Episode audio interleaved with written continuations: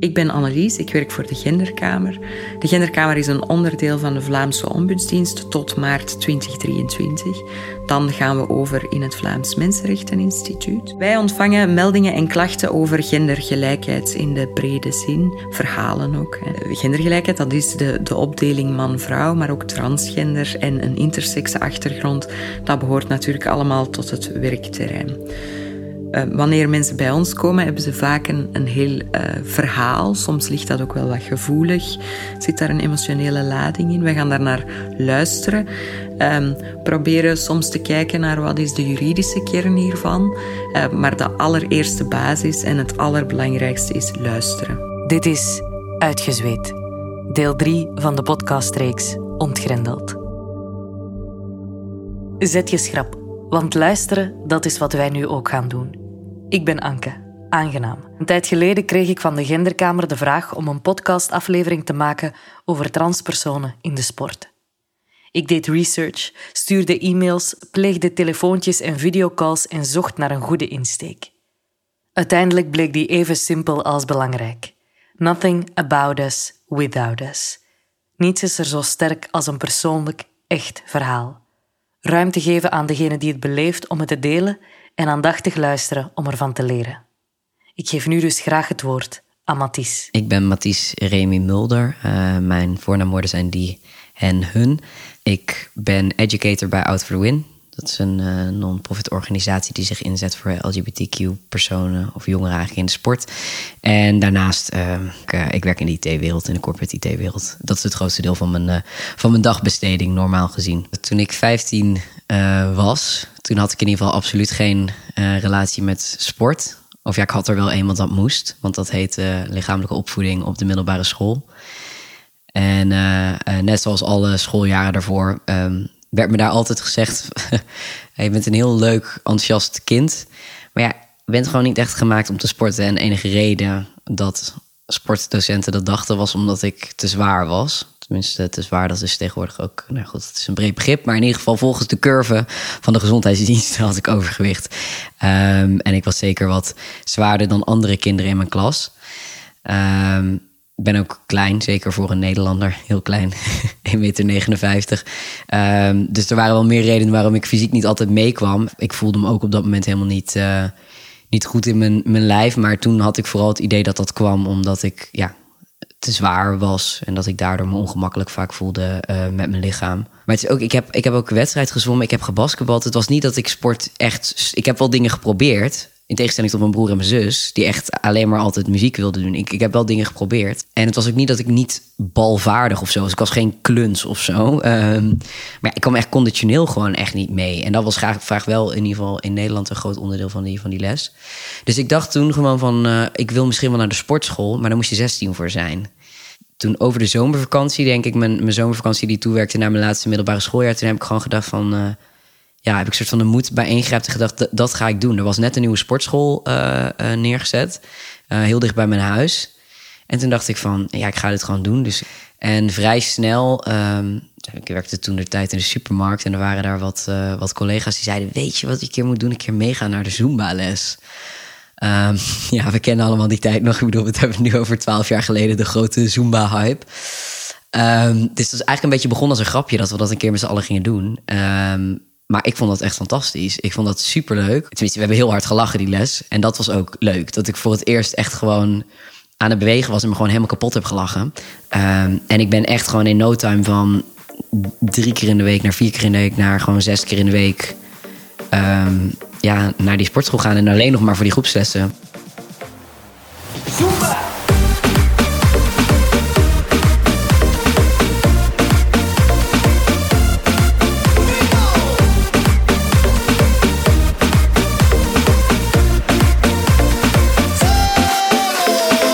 Vrij snel nadat ik um, die groepsles was gaan doen, dus echt na een maand of vier, vijf, is ook een groepslesinstructeur dus op mij afgestapt en die heeft gezegd van goh, um, je hebt zoveel energie en je komt zo goed mee. Uh, zij was eigenlijk op de sportschool gekomen met een, met een keelontsteking. Toen in de tijd in de Zumba-les stonden er 50 uh, ehm, mensen in je les. Dus ze zei, ik ga het echt niet, niet redden nu met de lucht die ik heb... om zowel de les te doen als ook uh, de instructies zeg maar, te geven. Want dat kost vrij veel lucht. Ehm, dus ze zei toen tegen mij: Vind je het goed als ik die headset op heb en, en de cues geef. En dat jij dan op het podium die les eigenlijk doet. Dus dat is toen wat we hebben gedaan. En daar was iedereen zo laaiend enthousiast over. Ja, dat we dat toen eigenlijk zijn gaan doen vanaf dat moment. Eigenlijk samen, meer vaker samen die les zijn gegeven. En op een gegeven moment, ja, vrij snel zei ze ook van... joh, wil je niet gewoon echt gewoon groepslessen gaan, uh, gaan geven. Sport was eigenlijk altijd stress voor mij geweest. Want ik had altijd, uh, dan moest je op een rij gaan staan en dan moest je één voor één ergens overheen springen. Um, dus ik zat er altijd echt met koud zweet gewoon in die, in, die, uh, in die gymlessen. En ook vaak in teamsport had ik toch het idee van ik ben niet goed genoeg om dit te doen. Ik breek even in in Mathies hun verhaal om te delen hoe herkenbaar dit klinkt. Ik stond ook zwetend en totaal gestresseerd in de lessen LO op school, omdat ik bang was dat ik de bal niet in de ring gegooid kreeg, dat ik niet voor het zoveelste piepje binnen zou zijn, dat het mijn schuld zou zijn dat het hele volleybalteam de match verloor. Ik had altijd het gevoel dat sport iets was waar je goed in bent nog voor je het kan proberen. Het ergste was de zwemles. De hele klas had een kilometer brevet en ik geraakte niet eens aan 25 meter schoolslag. Tot vandaag heeft zwemmen voor mij iets traumatisch en ben ik ervan overtuigd dat mijn lichaam dat simpelweg niet kan. Gelukkig herken ik ook de andere kant. De hiphoplessen in mijn vrije tijd die waren een uitlaatklep, ja, waarin mijn lichaam heerlijk kon bewegen, waarin ik alles kon vergeten en me echt kon uitleven. In een hele korte periode van tijd kreeg ik meer energie door dat sport. Want ja, als je gewoon lekker sport, dan krijg je gewoon echt meer energie van. Dus ik voelde me ook gewoon in die zin fysiek, voelde ik me ook beter. Maar um, ja, in mijn puberteit is mijn vader ook overleden. En dat was echt iets waar ik ja, eigenlijk niet over praatte. Uh, maar ik was er eigenlijk nog heel boos over. Um, en sporten was daar ook een soort therapie voor geworden. Want ik kon daar zoveel ja, energie in kwijt. En ja, dat was, dat was echt gewoon echt een uitlaatklep uh, voor mij geworden. En toen realiseerde ik me ook van... ik wil hier gewoon mijn leven eigenlijk van maken van, uh, van sporten. Dus, uh, en toen kwam ik eigenlijk ook achter dat in, in Groningen ze de studie bewegingswetenschappen hadden. Dus vanaf dat moment ehm, was sport echt mijn hele leven. Toen ik ineens in zo'n korte tijd 20 kilo afviel en echt gewoon dun was, want toen was ik ook wel echt gewoon heel dun. Dat was iets wat mensen me hadden verteld dat ik nooit kon zijn of zo. Ik had gewoon mezelf bewezen, puur op eigen kracht, dat ik dat wel kon. Dus dat heeft me toen wel veel zelfvertrouwen gegeven.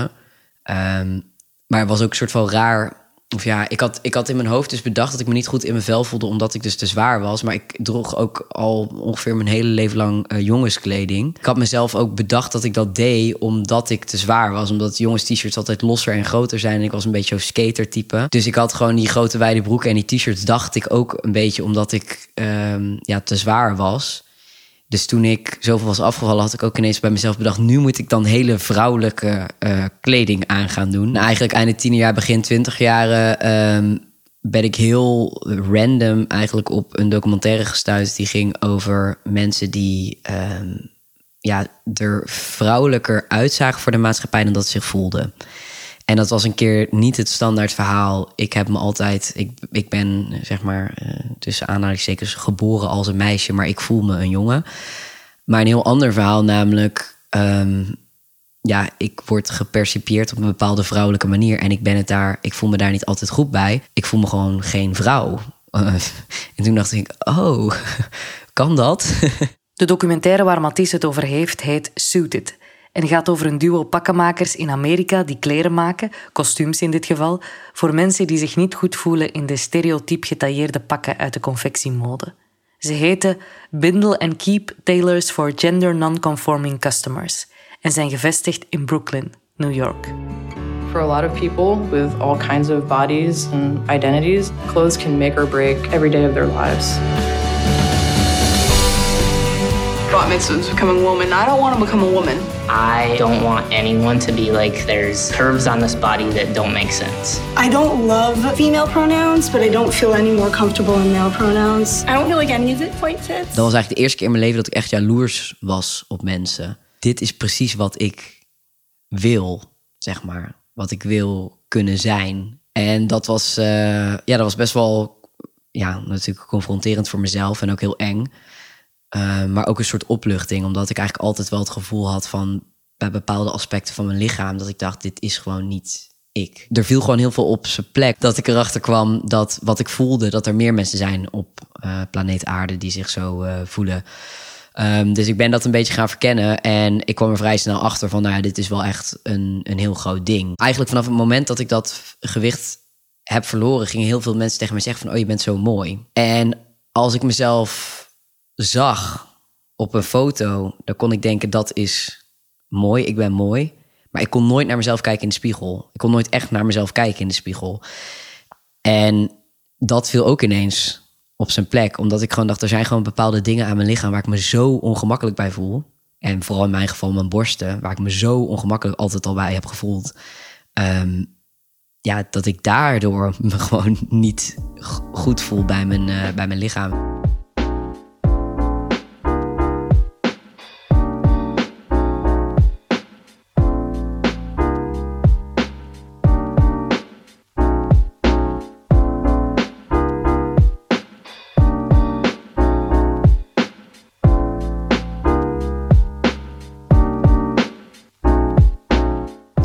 Is een keiharde, uh, binaire wereld op heel veel vlakken. En een wereld waar de genderstereotypen uh, nog steeds vandaag de dag uh, zegevieren. En ja, vooral ook een bepaalde vorm van wat man zijn is en wat vrouw zijn is. Ja, dat dat er gewoon super dik bovenop ligt. En dat daar geen, zeker toen, want dan hebben we het nu dus ook over tien jaar geleden, er geen ruimte was voor iets daartussenin. En ook vooral, daar werd nooit ook over gepraat dat dat überhaupt kon. Zelfs in, in die groepslessen. Ondanks het feit dat er geen vlag stond bij de Zumba-les van hier mogen uh, geen mannen naar binnen, kwam er geen man in de Zumba-les. En is het heel duidelijk als je in de fitness rondloopt, er zijn geen pijlen van vrouwen dingen om te doen en mannen dingen om te doen. Maar je ziet heel duidelijk dat er vrouwen dingen en mannen dingen zijn om te doen. En daarnaast gewoon de logistiek natuurlijk van kleedkamers, wat allemaal vaak open douches zijn. En dat werd voor mij gewoon wel heel erg lastig, want zeker in de lessen moest ik zelf ook instructies geven uh, over gewichten en over oefeningen die letterlijk zeiden als je vrouw bent doe je dit en als je man bent doe je dat. Dus ja, ik kwam een soort van voor een heel zwaar dilemma te staan, want hetgeen wat ik vroeger het meest haatte was mijn allergrootste liefde geworden. Uh, was mijn werk, was mijn hobby, was alles. Um, maar ik merkte ook dat dat niet te verenigen was met me goed voelen in mijn lichaam. Dus ja, dat was, uh, dat was een soort van tweestrijd in mij uh, geworden. Van kan ik, uh, wat, wat ga ik doen? En ik wilde het liefst natuurlijk gewoon dat ik, dat ik niks zou hoeven doen. Want ik wilde gewoon eigenlijk me goed voelen in mijn, in mijn lijf, eindelijk eens. Dus ik heb ook besloten van, nou ja, ik moet gewoon, ik moet hier wat mee. Ik, moet, ik weet eigenlijk heel goed wat ik wil. Ik wil in ieder geval een borstverwijderende operatie. Want dit, dat is eigenlijk wel heel duidelijk voor mij. Als ik dat morgen zou kunnen doen, dan wil ik dat gewoon. Mathies zocht naar manieren om een borstverwijderende operatie te ondergaan buiten het gendertraject om, vermits hij het op dat moment nog moeilijk vond om zich als transpersoon te identificeren bleek dat dat niet kan in Nederland. Je mag elke vorm van plastische chirurgie aanvangen, behalve een borstverwijderende operatie. Daarvoor moet je een attest van een psycholoog hebben. Dus Mathies stapte in een traject, kwam op een wachtlijst, ging een half jaar lang elke twee weken naar een genderpsycholoog, werd doorverwezen van chirurg naar chirurg naar chirurg en kwam uiteindelijk opnieuw terecht op een wachtlijst. Ik moet ook eens heel goed nadenken hoe dit gaat werken in de, in de sport. En ik kwam heel snel tot de conclusie, dat gaat nu niet werken, want dit kost me zoveel headspace. En ik merk nu al hoe ik dit aan mensen die heel veel van me houden allemaal moet uitleggen. Maar ik ga niet in mijn eentje in één keer die sportschoolwereld kunnen veranderen. En ik heb dat ook wel met uh, wat mensen daar besproken. Maar ik merkte gewoon van ja, ze wilden voor mij wel een uitzondering maken, soort van, als instructeur. Maar ja, dat is niet. Dat is alsof je elke keer ja, gewoon letterlijk een toneelstuk aan het opvoeren bent. Dus ik heb toen eigenlijk besloten om um, met het vooruitzicht ook op die borstoperatie. Um, ja, me helemaal te onttrekken uit uh, de sport. Ik ben gestopt. Evident is er een recht om niet gediscrimineerd te worden op basis van kenmerken die nu eenmaal eigen zijn aan de persoon. En die kenmerken daaronder valt natuurlijk geslacht, genderidentiteit, genderexpressie uh, en gender- uh, of geslachtsvariatie. Dat valt daar allemaal onder. Dat is, dat is een basisrecht, hè, om niet gediscrimineerd te worden. Maar breder zien we in een aantal instrumenten ook wel een recht opgenomen om te kunnen deelnemen aan allerlei aspecten van het leven, waaronder sociale en sportieve aspecten. En dus Dus we weten natuurlijk dat de voordelen van sport voor alle mensen heel groot zijn. Die zijn van sociale aard. Hè. In, een, in, een, ehm, in een organisatie stappen, eh, de sociale contacten enzovoort. We weten ook dat er voordelen zijn gezondheidsmatig. Ik bedoel fysiek dan. Beweging is gezond. En we vermoeden, of, of de, de wetenschap lijkt aan te tonen, dat er voor mensen met een transgender achtergrond misschien zelfs nog een groter voordeel is. Um, en, en dat zit dan toch ook op de mensenrechten. Hè. Ze zijn vaker sociaal geïsoleerd. Um, en aangezien zij vele hormonen nemen die soms nadelig kunnen zijn voor de gezondheid, zou beweging daar een, tegeneffect uh, kunnen zijn. Een tegeneffect zou uh, de gezondheid in ieder geval bevorderen. Dus we zien uh, gezondheid, sociaal contact, allemaal verschillende onderdelen die eigenlijk linken aan de mensenrechten. En dan zeggen we, waarom zouden we iemand uitsluiten op basis van een kenmerk waar die niet aan kan doen? baalde ook vooral omdat ik toen ik voor mezelf had toegegeven van die borsten zijn een probleem, keek ik er heel erg naar uit om te sporten zonder borsten. En toen realiseerde ik me ineens van, ja, maar dat kan eigenlijk helemaal niet. Want als ik straks die borstverwijderende operatie heb gehad, dan ben ik voor de buitenwereld een soort vrouw zonder borsten. En dan sta ik daar in een kleedkamer en dan is dat allemaal heel erg raar. En überhaupt natuurlijk, als je constant wordt gezien als vrouw en je voelt je dat niet en je wordt daar ook heel specifiek elke keer op aangesproken. En zeker in de sportschool is dat gewoon een ding. Ja, dan voel je je daar ook gewoon helemaal niet comfortabel bij. Dus dat was een hele harde realiteit voor mij. Van iets wat me zo, wat zo'n last van me af gaat halen, letterlijk. Um, die operatie. Ja, maakt me ergens ook ongelukkig. Een week voor de intake bij de chirurg die de operatie zou gaan uitvoeren, ging het ziekenhuis waar alles zou plaatsvinden plots failliet. Mathies kreeg te horen dat hij opnieuw achteraan moest aansluiten, als de chirurg al een nieuwe plek vond. Via een vriend hoorde Mathies dat het in België een stuk sneller kon gaan, dus stak hij de grens over, om eindelijk na zes weken gelukkig al over te gaan tot de borstverwijdering. Dan ben je natuurlijk fysiek uh, gevloerd, even. Um, en dan moet je daarna weer uh, ja, je fitness gaan opbouwen. En toen ben ik wel weer begonnen met thuis in ieder geval gewoon wat te trainen. Ik voelde me daar zo goed bij. Ik heb eigenlijk echt, toen ik de eerste keer, ook al was het bont en blauw en beurs en zo. Uh, toen ik het zag, ook gewoon ontzettend moeten huilen. En ik was bij mijn moeder thuis en mijn moeder was van, oh, oh lieverd, ben je geschrokken ervan? Ik zeg, nee, nee, ik ben gewoon heel gelukkig, mam. um, dus ja, dat was voor mij echt. Uh, sommige mensen die moeten daar wennen, maar ik moest daar geen seconde aan wennen. Voor mij was het echt van: dit is hoe het. Het had nooit anders moeten zijn.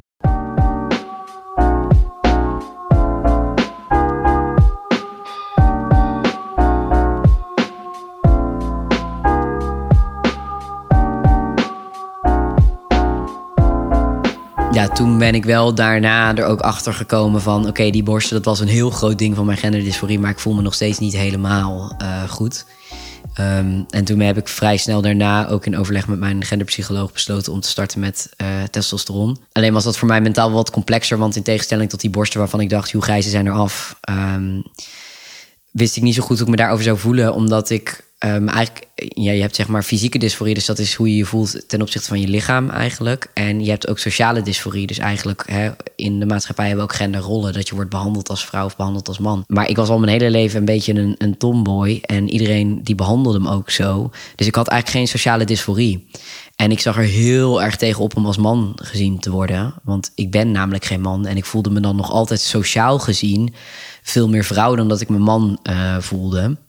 Dus dat vond ik wel lastig om die beslissing te nemen van oké, dat voelde iets meer ook als een soort rouwproces van ik moet maar accepteren dat ik straks in de maatschappij als man waarschijnlijk gezien ga worden. Uh, maar ja, goed, gewoon echt door de fysieke dysforie die ik nog had, nog steeds, wel besloten om dat te doen. En geen spijt van gekregen, want ik voelde me daardoor en ik voel me daardoor nog steeds vandaag de dag een stuk beter in mijn lichaam. Maar die sociale dysforie is wel nog steeds een feit. En dat heeft er nu wel voor gezorgd dat ik me echt niet meer op mijn plek voel in de sportschool. Want in principe, nadat ik die borstoperatie had gehad, zagen mensen mij nog steeds als uh, vrouw. Dus ik had ervoor kunnen kiezen om gewoon altijd de sport BH aan te doen, terwijl ik dat niet zo hoefde. En dan had ik naar de vrouwenkleedkamers kunnen gaan. En daar voelde ik me in ieder geval misschien een beetje ongemakkelijk, maar wel veilig. En nu wordt er van mij verwacht dat ik een man ben. Dus dat ik naar de mannenkleedkamer ga. En daar voel ik me helemaal niet veilig. Want ik ben gewoon gesocialiseerd als vrouw. En ik heb ook geen mannenlichaam. Uh, ik heb een non-binair lichaam. In de loop der jaren hebben we veel klachten over sport gekregen. Discriminatie op basis van gender was dan eh, de basis. Ik denk bijvoorbeeld aan een meisje van vier jaar dat eh, niet terecht kon in een bepaalde sportclub, terwijl haar broers er wel in terecht konden. En het ging natuurlijk om geslacht. Uh, ik denk ook aan de adviesvragen over hoe meer jongens of meer meisjes getrokken moeten worden, naar, kunnen worden naar een bepaalde club of sport.